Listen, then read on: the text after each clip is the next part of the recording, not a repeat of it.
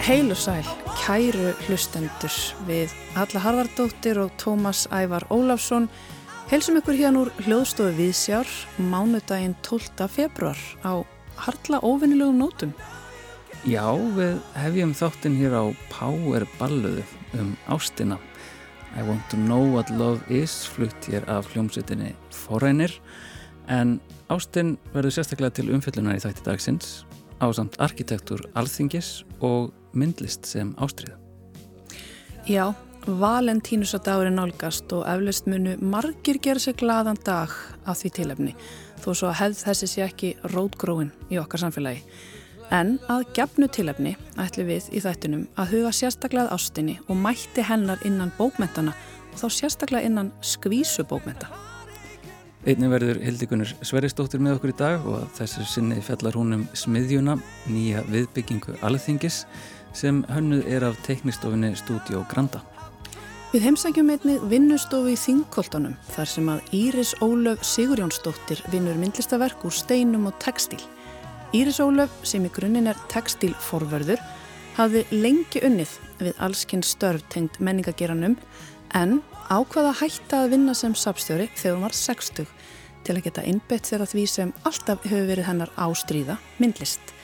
Við fáum að heyra verkunum hennar sem er að einhverju leiti afsprengi alls þessa en Íris Ólöf opnar síningu í Kirsuberatrinu á fymtudag.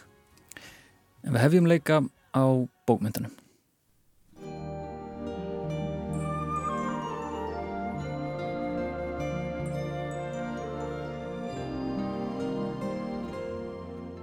Styrkur bókmyndana er máttugri en styrkur harðstjórna, saði einhver. Hlutverk bókmyndana er að byggja upp traust og loka gjánni sem hefur myndast fólks á milli, saði einhver annar. Í miðjum átökum skipta bókmyndir engu máli, saði sá þriði og koll af kolli. Öll höfum við mismunandi skoðanir á bókum og hlutverki þeirra. Oft búist við ekki við miklu af þeim, oft búist við við allt of miklu af þeim. Það er efla jú alla dáð en hangsa samt líka máttlausar og hálf verlausar í hillunni heima. Bækur stitta okkur stundir, þær svæfa okkur og þegar vel lætur skemta þær okkur. En við og við lesum við kannski eitthvað magnað, eitthvað sem breytir lífi okkar. Við upptendrumst og fáum dellu fyrir ykkuru, breytum hverstegi okkar og verðum aðrar manneskjur. Kanski fundum við loksis aðferð til að takast á við félagskvíða eða læriðum að nýta flugur fyrir veiði eða skildum loksins hvernig að byrja að fjárfesta eða kannski fengum við svo magnaða insýn inn í skáldskapin sjálfan að við ákveðum að reyna að verða rítuöndar. Bækur leið okkur vissulega á mismunandi slóðir. Þar geta á þennan hátt vísað okkur veginn að ákveðnum markmiðum en til að ná þeim þurfum við að taka skrifin sjálf og ástunda það sem bókin hefur kent okkur. Annars er hættu því að allt fari aftur í gamla farið og bókin rati á sinn stað í hillunam og þagni.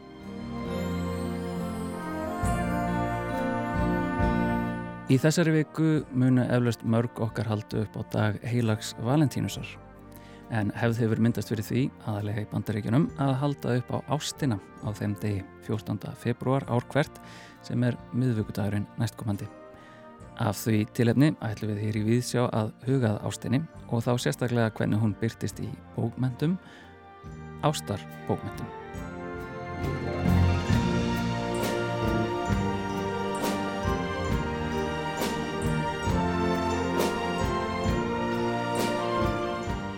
Við spyrjum stórar spurningar með þennan stutta ingang fyrir hugskott sjónum. Geta bókmentir bjargað hjónaböndum? Eða allavega ástarsamböndum í lægð? Notandin Swimming Painter á spjálsviðinu Reddit heldur því allavega statt og stöðut fram í þræði sem ber yfirskriftina Það að ég uppgötaði og nöyt lestus ástarsagna bjargaði hjónabandinu mínu. Swimming Painter heldur áfram í þræðinum. Titillin segir allt. Eftir þrjú börn og næstum 20 ára hjónaband var líf mitt á sjálfstýringu og samband mitt við eiginmann minn var litlust og móðvolt. En fyrir nokkrum mánuðum byrjaði ég að lesa ástarsögur og endur uppgötvaði spennuna við ástarsambund, nútin í maganum og þá einföldu ánægu að horfa í augum míns heittelskaða. Þetta breytti öllu. Núna fæ ég mikið út úr því að halda í höndin á honum og síðan hefur lífið í Svefnersberginu líka fæst til mun betri vegar.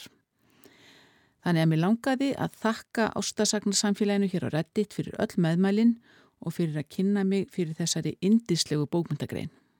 Þegar ég las þetta hugsaði ég, þetta er fyrir mér áhugaverð kveiki að umræðum, en síðan komu svörin. Ég er 100% sammála, sama ástasögur bæta sambönd Þær hjálpuðu mér eftir að ég átti mitt setna barn og hafði enga kynkvöld. Að lesa ástasögur fær mig stundum til að vekja mannin minn um miðja nótt og áfram halda aðtöðarsendinar á þennan veg koll af kolli.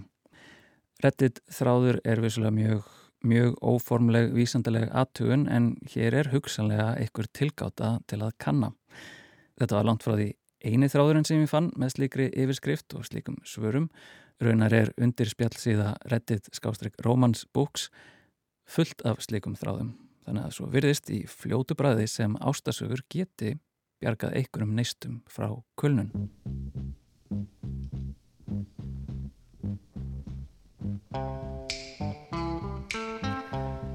Ástasögur hafa alltaf verið vinsælar. Mjög vinsælar. En minna hefur farið fyrir þeim í bókmyndunum en hinni mjög svo vinsalvu grein bókmyndana, glæpasögum. Til eru afar fáir ástasagna höfundar á Íslandi til dæmis en hugsanlega eru við með flesta glæpasagna höfunda með við höfðatölu. Enda hefur glæpasagan allavega eitt fram yfir ástasöguna. Glæpasagan er nokkuð jamt lesin af báðum kynjum á meðan ástasagan er kvennamegin. Hún er í flestum tilfellum skrifuð af konum markaðsett til hvenna og þar af leiðandi aðalega lesin af konum. Ennfremur hefur gerðan lítið verið gert úr þessum skaldsögum á spjöldum bókmenta sögunar. Söguspjöldum sem til langstíma voru aðalega skrifuð af körlum og, eiginlega til að halda ástasögum innan þessa kynniðamengis, hefur bókmentagreinin fengið þið enginlega heiti skvísu bókmentir, tjekklitt á ennsku. Vissulega hefur verið reynd að Karl gera heitið sem gauðra bókmentir, dikklitt á hennsku, en svo grein hefur ekki náð flugi og sumir Karlmenn skammast sín meira að segja jafnvel, fyrir að lesa ástasögur. Og það sem vera er, þá eru dæmi fyrir því að sumir Karlmenn hafi áhugir af því ef eiginkona þeirra eða kærasta byrjar að lesa ástasögur. Þessi kynjaða afstæða til ástasögunar er afar kvimleið staða, bæði fyrir bókmentagreinina en líka fyrir Karlmenn. Á spjallsíðunni Reddit, sem vissulega ber mikinn keima bandarískum tíðaranda, má finna þó nokkra spjallþræði þar sem karlmenn lýsa aðkastinu sem þeir fá frá öðrum karlmennum og konum fyrir að lesa slíkar bækur. Ég hef verið giftur í meira en 20 áru á tvær dætur. Eftir að ég byrja að lesa ástasugur finnst mér ég verið orðin betri eigimaður, betri pappi og raunar er ég líka orðin stuðningsmaður jafnbrettis og feminisma. Lesturinn hefur einni kryttað upp á ástalíf okkar hjóna. En þráttur alla þessa kosti þá hef ég mátt finna fyrir miklu aðkasti fyrir að lesa svo kallar klúrar bókmyndir. Viðbröð Karlana í kringum mig kom mér lítið á óvart. Ég bý í Texasríki en hér er allt marinerað í eitraðri karlmönsku. En ég skil ekki af hverju konurna sem ég þekki stríða mér alveg jafn mikið. Mér er sagt að bókmyndagreinin sé ekki fyrir mig sem karlmann og að ég sé að lesa kvennabókmyndir í leifisleysi. Bæku sem voru ekki skrifaði fyrir mitt kinn. Svo skrifar notandin Dökki 4223. Í viðbröðum við þessum þræði og öðrum samskonar þráðum eftir karlmenn sem lesa ástasögur sína aðrir karlmenn stuðning. En það sem kemur kannski smá óvart eru lýsingar þeirra á þeim breytingum sem hafa orðið á þeim viðlestur á skaldsögum í bókmyndagreininni. Það að upplifa sig sem betri og virkari eiginmann er afar algengt sem og að upplifa sig sem betri feður, sérstaklega ef karlanir eiga dætur, en síðan fara lýsingarnar að hljóma nokkuð svipaður og lýsingar kvenna á lestri sínum á ástasögum. Þessi tvö kinn segjast bæði leggja meiri rægt við sambönd sín sem lesendur ástasagnam og þá sérstaklega í kinnlífi. Konur segjast margar hafa verið fremur óvirkar eða passívar í kinnlífi áður en þær byrjuð að lesa ástasögur en eftir að hefja lestur innan greinarinnar hafi þær þórað að taka virkari þátt í verknæðinum og verið óhættari við að taka stjórnina. Sumar sögust meira að segja hafa reynda að krytta upp á kynlífið með makasínum með því að horfa á klám en fundist það að gera samlífið grófara og upplifa sig enn óvirkari og fjarlægari í kjölfarið. Það sem ástasæðan breytti í þeim aðstæðum var að fá fólk til að orða það sem sjaldan eða aldrei var orðað innan sambandsins. Hún skapaði einnig narratív, frásagnir og fantasíur í kringum kynlífið og síndi hvernig og það konur sérstaklega gáttu verið leiðandi afl í verknæðinum. Fyrir Karla virtist svipað upp á teiningnum. Þeir sem sögðust lesa ástasögur fannst þeir geta tjáð sig betur um langanir sínar, langanir sem hafðu verið þeim feimnismál alla tíð. Einnig urðu þeir virkar í að búa til stemmingu, eitt þeirra sagðist til að mynda reglulega láta renni í bað fyrir konuna sínam og þegar hún var komin ofan í tilti hans er á stól og las fyrir hann að valda kapla úr ástasögum.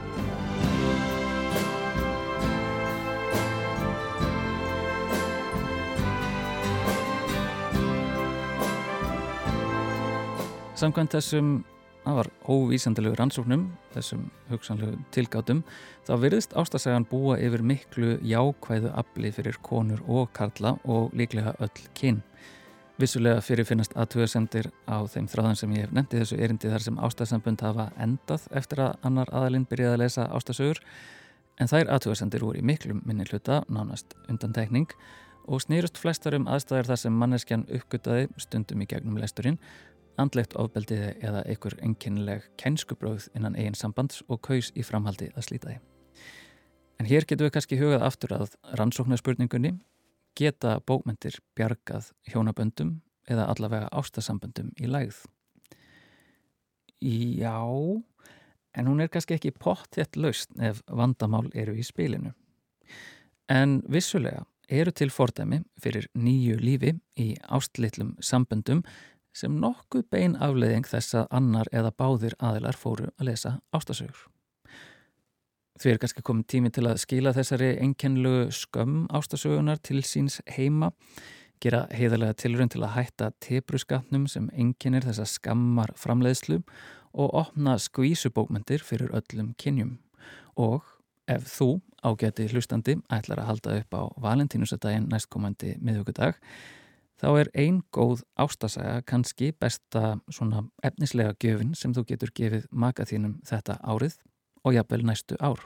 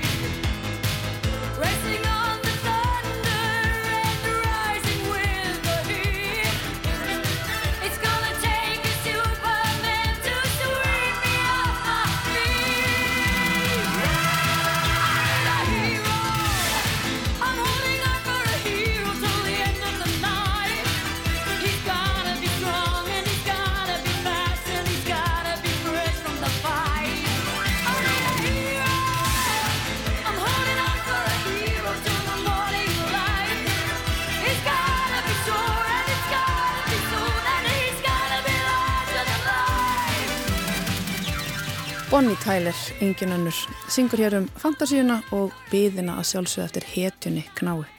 En frá skvísu bókmentum og hetju fantasíum höldum við yfir í arkitektúr. Hildekunnur Sveristóttir tekun á við.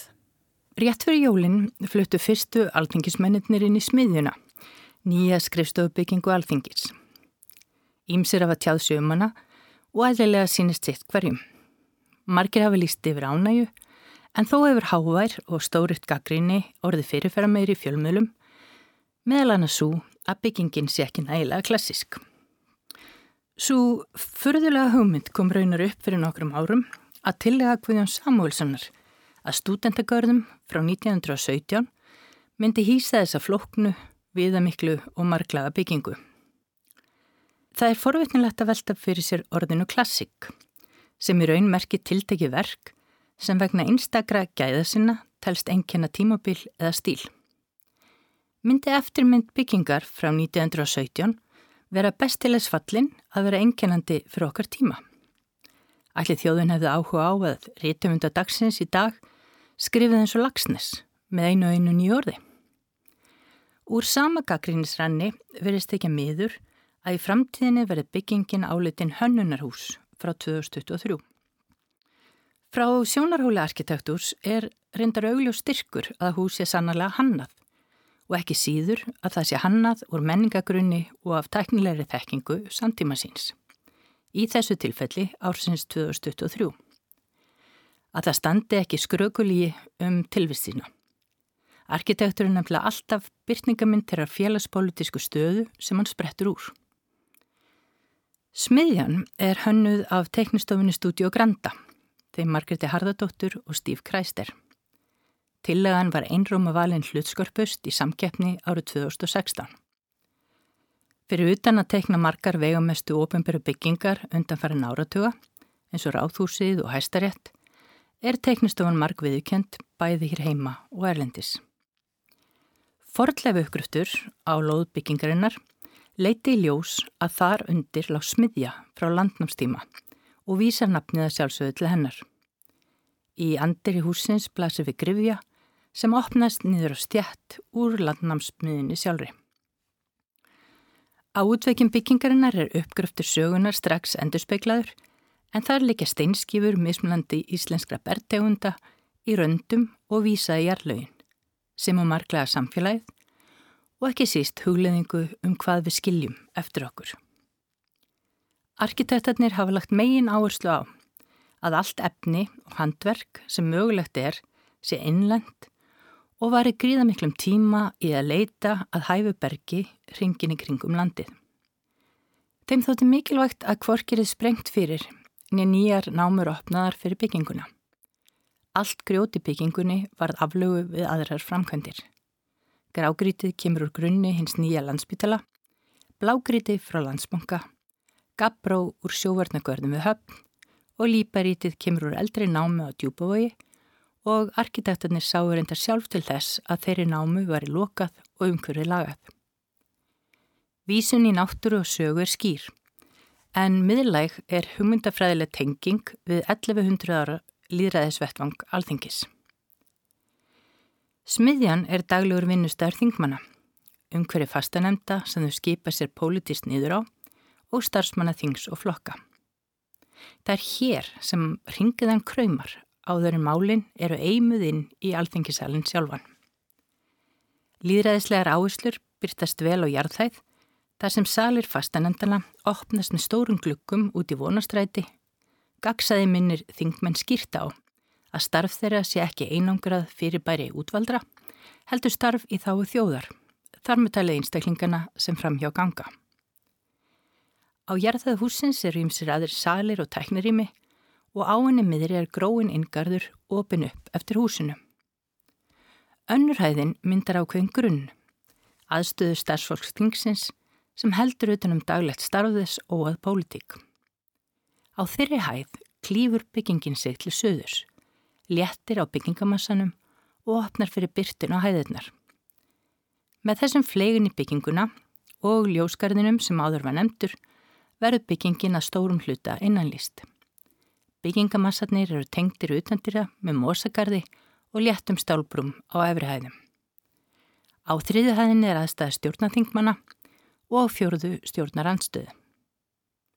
Skrifstofan þingmanna er raðað með frum útveikjum, að bæ og yngarði og njóta því öll náttúrulega byrtu, sem er talsverð áskorun fyrir hátt í hundra skrifstofur á svo þröngum byggingaritt. Miðsvæðis á hver flokkur sin eigin fundarsal og þar er einning notalegt bóka og vinnuherbyggi, gangarnir og opna skrifstofudir bjóða upp á óformlegt samtal og hjartahæðarinnar er kaffistofa, vettvangur samveru og spjalls, þvert á pólitiska skoðanir. Á skrifstofum þingmanna eru létt og björnt húsgögn og í hverju þeirra stór gluggi sem vekur aðtegli. Gluggin er nokkurn veginn í mannsku hlutföllum sem gefur kannski þingmannin til kynna út í umhverfið. Gluggasillan sem er í setæð og hægt að tilla sér á er tært og tilókið íslensk grjót, áþreifanli tenging við landi sjálft. Efstæðið byggingarinnar er sameinlega öllu þinginu, matsalur, fundarherbyggi og svalir með tilkomi miklu útsinni til söðurs. Efnisnótkunn í byggingunni eru margt óvinnuleg og frumleg. Innra yfirbor byggingarinnar er að mestuleiti ómiðundlu steipa sem ekki er klætt öðru yfirborði nema þörf krefji. Eikalistar eru lofti og veggjum sem ramma rýmin inn og stjórna hljóðvist. Í stórum marknóta sál á jarðæð er til að mynda tilkomu mikið treverki með snúanlegum borðum, minnir jáfnvel á nokks konar viðarorgal sem spilar á hljóðvist en tengir líka hátt loftið nýður í salin. Gluggar á austurlið salarins opna yfir stíg út á ottfæluhúsinu og í norðurhortni verist óraðu kraftur skjóta sér skáhald upp og út og veita flæðandi byrtu nýður í salin. Minnigluggi eins og undir jáfri tengir salin við næstu hæð. Fagurlega smíðaðar eigarhörðir byggingarinnar eru með fingerðum löngum og mjóum glukkum, rúnuðum að ofan og neðan sem mynda glöfu inn í líðræði að störfum. Allt tréverk byggingarinnar er sérsmið á reik og er bæði hönnun og handverk sérlega vandað. Salerni eru mikilvægri rými en fólk gerir sér aðeins grein fyrir.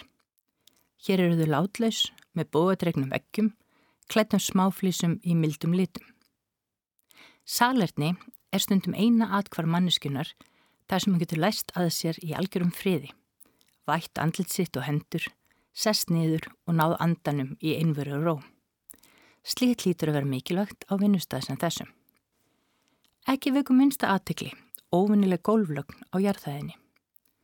Hún minnir um margt á risavaksið terrasso Hér leikja steinskífur sem aflögu voru við gerð útveggjaklæðningar í röðum frá norðri til söðurs og á milli þeirra er þykk rönd af bindefni. Sérstök bergtegund enginnir hvert sál og er berginu skipa niður eftir því hvar það finnst á landinu. Þessi lögn er ávar tilgómi mikil og bindur saman ytra og innra byrði byggingarinnar.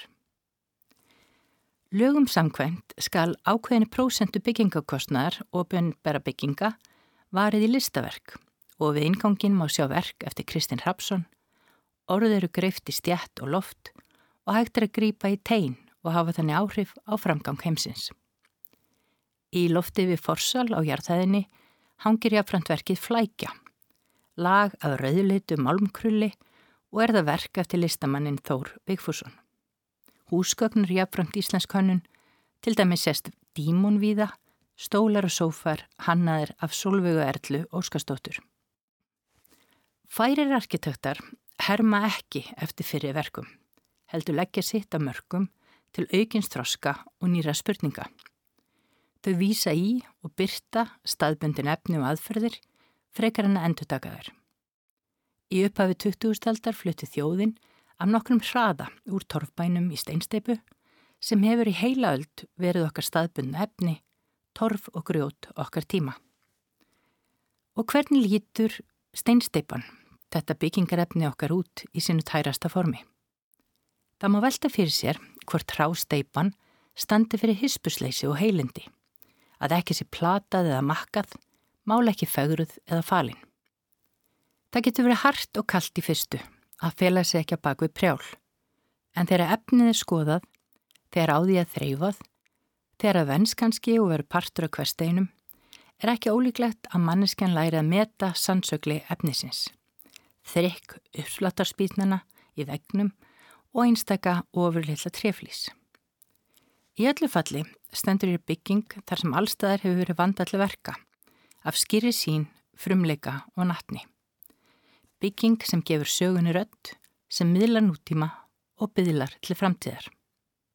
En fyrst og síðast bygging sem er gagsæ eins og líðræðið á að vera, sem býr til viðegandi ramma utan um samtal þingheims inn á við og út.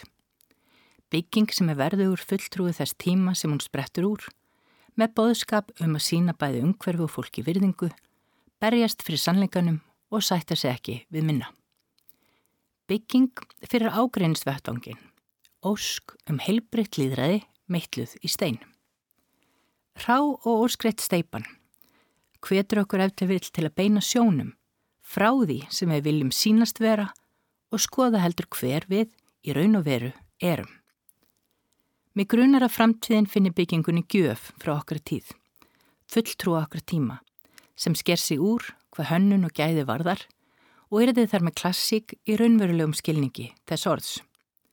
Heilst eitt verk sem sannarlega mun vísa í árið 2023 standa fyrir þá menningarpolítísku stöðu sem þá var uppi og síðast en ekki síst varpalli framtíðar, kvartningu og von um heilindi og heiðarlega verk í þáu þjóðar. Hildugunur Sveristóttir um arkitektur sem talar frá samtíma sínum og sem verður mögulega klassiskur einn daginn en þá yfir í myndlistina.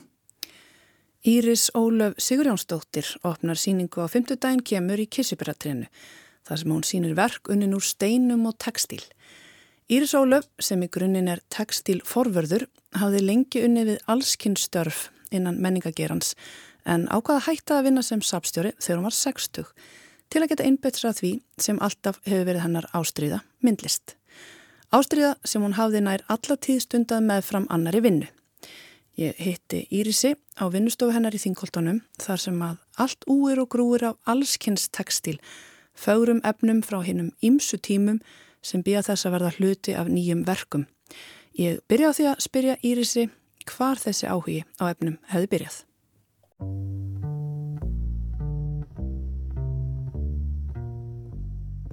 Frá því að ég man eftir mér má segja, þá hef ég alltaf verið svona tak, sko, tekstil þengjandi bara sem batn, vú, hvað er fallit efni, gott efni, er gott í því? Og allt þetta sem að, að maður gerir það er svona mjög sterkur partur, ég var eitthvað rivjet upp með móður minni sem er orðin háöldru já var þetta ekki alltaf svona? Ef ég fekk drakt með gullnöppum og albahúi þá vildi ég bara vera í minni drakt og svo taka drakt sýstu minnar og eigða þessu öllu upp og, og ég hef líka alltaf verið fyrir það sko að gjörnýta og endurnýta. Þannig að það sem hefur verið að gera núna að endurnýta og gjörnýta hef ég í rauninni alltaf gert það því ég hef búið til mín efni sjálf bara þegar ég var í mín námi ég bjóð til öll minn kjólaefni sjálf málaði á þau og, og, og svona þetta er svona auðvilt að vera svona til hippi og svona frjálsi fasi þetta þurfti ekki að vera svona fullkomið beinlínis.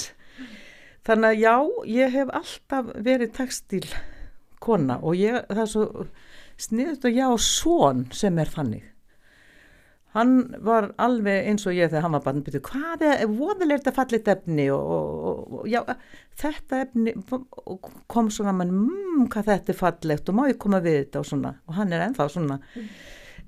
ég menn hann er náttúrulega myndlistamæður en hann vinnur opaslega mikið í, í efni, bæði tri og textil og, og maður finnur fyrir því að þetta er jafn stert í honum og í mér og var í báðum ömmu mínum og er náttúrulega svolítið mömmu en, en ömmu mína báða voru sagt, mentaðar konur í tekstil þess tíma. Mm. amma fór til köpmannafnur og lærið hún var fætt árið 1900 hinn amma mín sapnaði sér fyrir námi kvennarskólanum í Reykjavík og hún var fætt 1886 þannig að þetta, þetta er svona óskaplega mikið kannski í mínu blóði og sér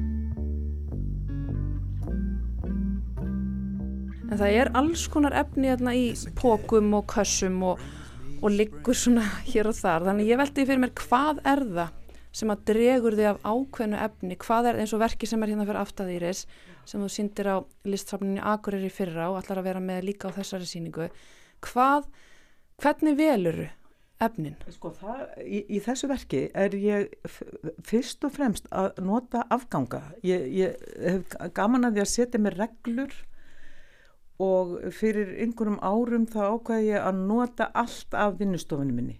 Hætta að sanga að mér, hætta að fara inn í perlubúður og efnabúðir og kaupa en nota það sem að ég á helst af öllu. Og setja saman á nýjan hátt og búa til hvað nýtt og gömlu. Og ég hef verið að vinna mikið með steina það gerði ég líka. Uh, fyrir 25 árum þá var ég svolítið að skreita borð, ég var nú einstamóðum þrjú börn og þurfti að vinna fyrir mér og skreitti veistlur og þá var ég alltaf með stóra hnullunga af steinum og tróðtuskum og rósum og svona inn á milli. Þannig að það er svona í þessu verki eru líka steinar og allt nýsauma það frekar svona ekki beint og ekki slett og felt heldur svolítið svona frjálst eins og í rauninni mínir tekstílar eru nema steinarnir þar pressa ég sko saman tekstíl þannig að það þeir losna ekki, tekstílin verður á einhvern nátt harður af því hann er óhreifanlegur menn að þetta er létt og liðist eins og sérð og, og, og hreyfist sem að mér finnst eh, sko þetta eru andstæðunar í mér líka svolítið sem að ég er alltaf að vinna með. Þetta er aldrei svona ferkantaða og svona útpælda og hugsaða og svo þetta Æ, bara sleppum að maður. Höfum þetta bara svona, látum þetta flæða svolítið.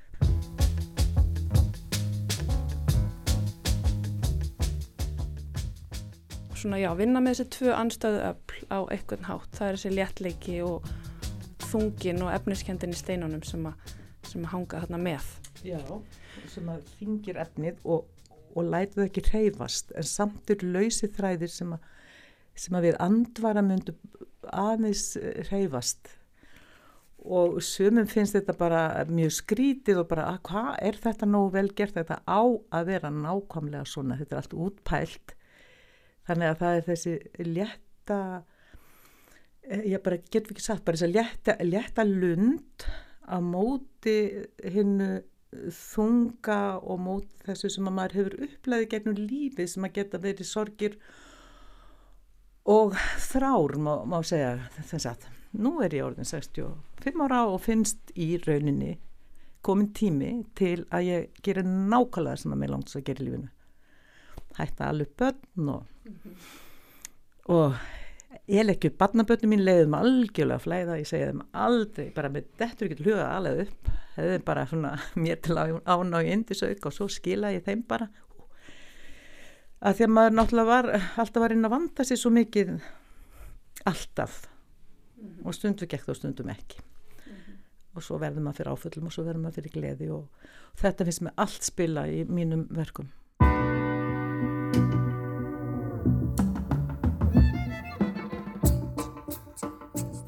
Þannig að hér má segja að þú hafi bara sleppt tökunum og leift sjálfur þeirra að koma óheflaðri fram Já, ég var sko vir, virðulegur uh, sapstjóri í 16 ára og sapni fyrir norðan og, og ég er virðulegur textilforverður sko, þeir fara nú ekki að gera neitt að gamni sinu mikið.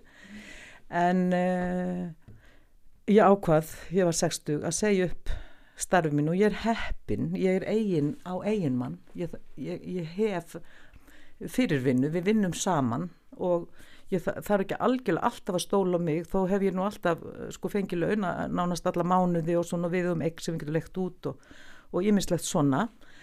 Þannig að við höfum það mjög gott en, en ég, ég er forreitnind að kona til leiti ég gæt sagt nú ætla ég að hætta að vinna 60 og ég ætla að gera það sem ég langast að gera og ég er búin að gera það í 5 ár og það hefur gengið bara ágætlega. Ég, ég er að gera uh, kenna sko textilsögu sem að ég bara elska að kenna textilsögu, vildi ken, sko kenna hana bara á hverjum degi held ég. Ykkur partu degi allavega. Og svo get ég einbitt mér að þessu, eh, þessu listræna, þessum verkum og svona og stundum ger ég ekki neitt. Og leggst ég hálfgerð þunglindi, það er bara svona eins og Íslendingar almennt. Og svo er Ísmar upp úr eh, sko stónniknun og, og færana kraft og sköpunarkraft en ég þarf stöðugt að vera að skapa. Ég er alltaf þar og hef verið það bara frá því að mann eftir mér. En það er kannski ekki fyrir eins og þú segir eftir að tókst þessa stóra ákverðun það þarf auðvitað hugur ekki til að taka svona ákverðun að hætta í vennilegu vinninni og fara að vinna við það sem að þið hefur alltaf dreymt um. Já, það þarf hugur ekki sem að, að kannski minn kynnslóð hafði kannski minna af en, en kynnslóð barna minna þannig eins og sko ég þorði aldrei að hella mér algjörlega út í myndlist þess að mér fannst ég þurfa líka út frá kvennabaráttunni þurfa að vinna fyrir mér og helst fyrir góðunlaunum þannig að ég var nú stundum í bíómyndum og stundum í sjómarfi og, og svona hitt og þetta og eh, sko standa og eigin fótum standa að gera eiga vera líka með þetta öryggi. Svo þarf maður bara þetta öryggi. Þegar maður er komið með börn þá þarf maður bara öryggi þess að geta veitt þeim það fjárháslega öryggi og veitt þeim það sem maður langar til að veita börnisunum eh, að fá að fara í tónlistanám og fá að gera það sem við vilja gera myndlista hvað svo sem það er sem þau velja. Og uh, já það hefur sem sagt mér fannst óslega gaman að vera sapstjóri, mér finnst óslega gaman að hanna síningar og, og stúdira sögu og, og sko uh, mér fannst þetta æðislifinna og ég sakna sapna heimsins alveg uh, sko gríðarlega því að það var svo skapandi og, og það, maður var alltaf að sjá okkar nýtt og það er gott fólk á söfnum. Það er þannig og en þetta var ofar og mig langaði þetta og ég varði að prófa það. Og svo á ég sko tvö bönn sem eru í, í listum og ég sagði að gera þetta bara, gera það sem þið vilja gera, þið viti bara hvað, hvað þetta er. Og þá segir eh, svonu minn sko, ég mentaði mig til fátaktar en gleðibankinu fullur. Og þetta finnst mér vera kannski það sem að ég þorði aldrei að segja að gera. Og, og það er kannski bara annar tíðarandi. Þau fengu uh, þetta frelsi. Mm -hmm. og já, en þetta er dýrt að lifa og allt það og hund leiðinlegt að veri því en, en ég meina að harka en þetta er svona. En þú lifir það vantilega af ef að gleðibankinu fullur. Gleðibankinu fullur núna. Já, en börnin hafa greinlega veitir innblástur eða hvað? Já, þau gera það, þau eru æðisleg.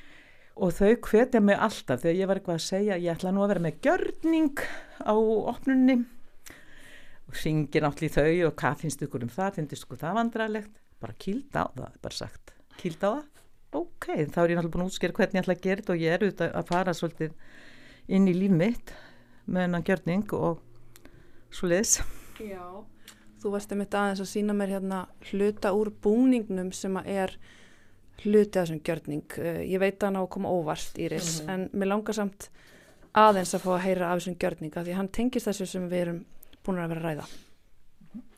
Sko, það er þetta þegar maður er í rauninni búin að býða, ekki kannski býða eftir gotto en, en býða, einhvern veginn býða eftir að fá að fljúa eða býða eftir að taka flýð, ég veit, ekki hvernig ég leggja dórað þetta, en þá eh, svona bara eins og silki ormurinn þegar, og púpan þegar hann uh, opnast, ég er ekki að segja að það verði eitthvað fallit fyririldi sem að opnast, ég er norðin 65 ára, en ég menna það, það er eitthvað stað þar að maður einhvern veginn fær mér langar til að fljúa mér langar það hvernig sem ég gera það.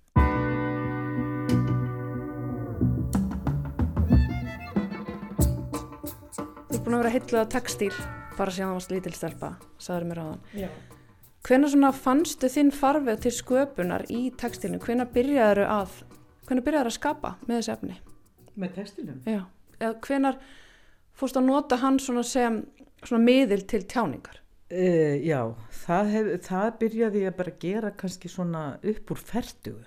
Þá var þetta orðið mjög eh, svona aðkallandi, eh, að, aðkallandi í mínu lífi að geta komið út og með eitthvað fast í hendi þessum að með sköpuninni.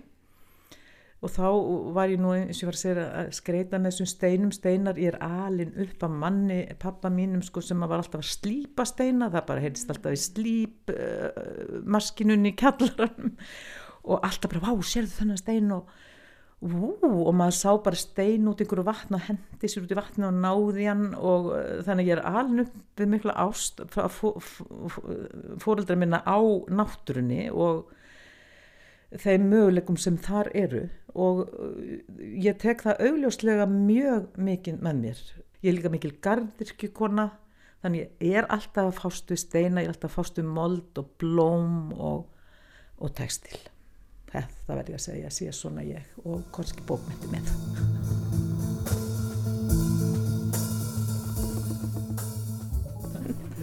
Herði Íris það er svo gaman að, að hérna skoða allt sem þú ert að gera og hlusta á þig en við erum komna hérna í annað herbergi og hér er Þetta eru veggverk, þetta er hennar þetta eru steinar og textil og ég vel svona fallegt handbrað sko að þegar þú veist að ég er forverður þetta er ekki gamla textila og klippið á sundur og saman, það myndur ekki nokkur fjárvörður gera það en ég gera það.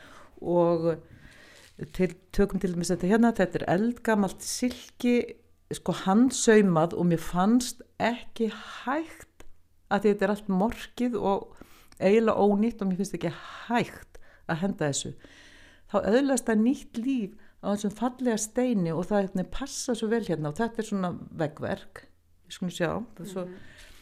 þannig að uh, hér, hér í þessu verki þá er ég að pressa saman sko þessa mjúku textil og þeir get ekki hakast þeir eru fastir hérna inni mm -hmm. alveg sama hvað þú gerir nema þú eigðilegi verki, þú vilt ekki gera það langaðu eigðilegi það Nei. Nei og, og þetta er svona eitthvað, eitthvað trúalegt um þetta hérna. En mm -hmm. þú veist, kirkjan hefur haldið niðri svo ótal mörgu.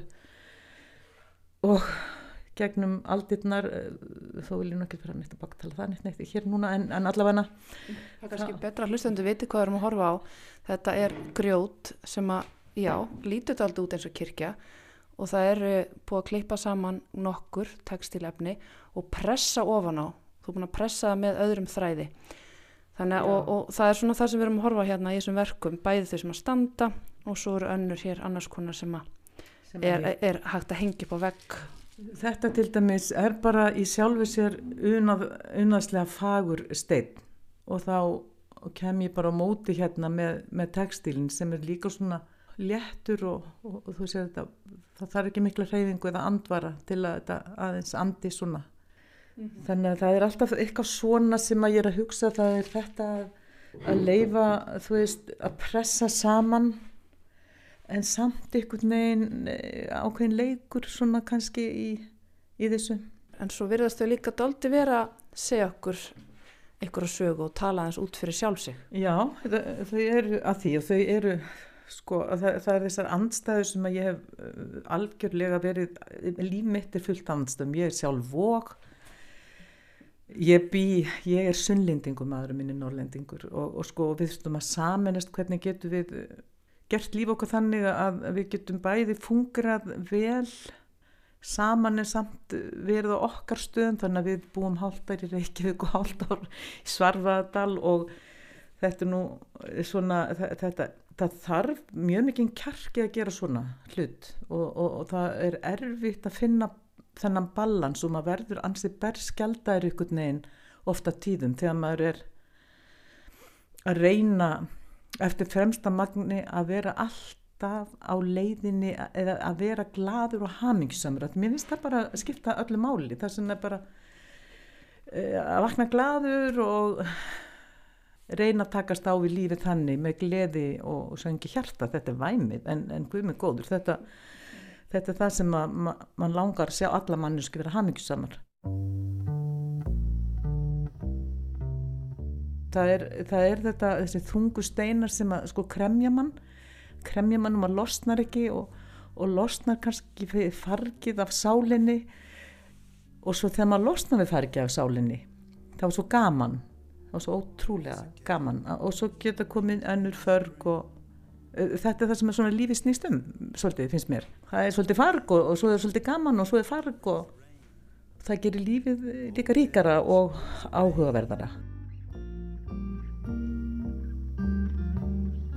In the dawn of the silvery day Clouds seem to melt away She brings the rain. Oh yeah, she brings the rain. Halla rætti við Írisi Ólöfu Sigurjónsdóttur en hún opnar enga síningu í Kissuberjatrénu næstkomandi 50 dag þar sem hún mun einni flytja gjörning klukkan 17.45.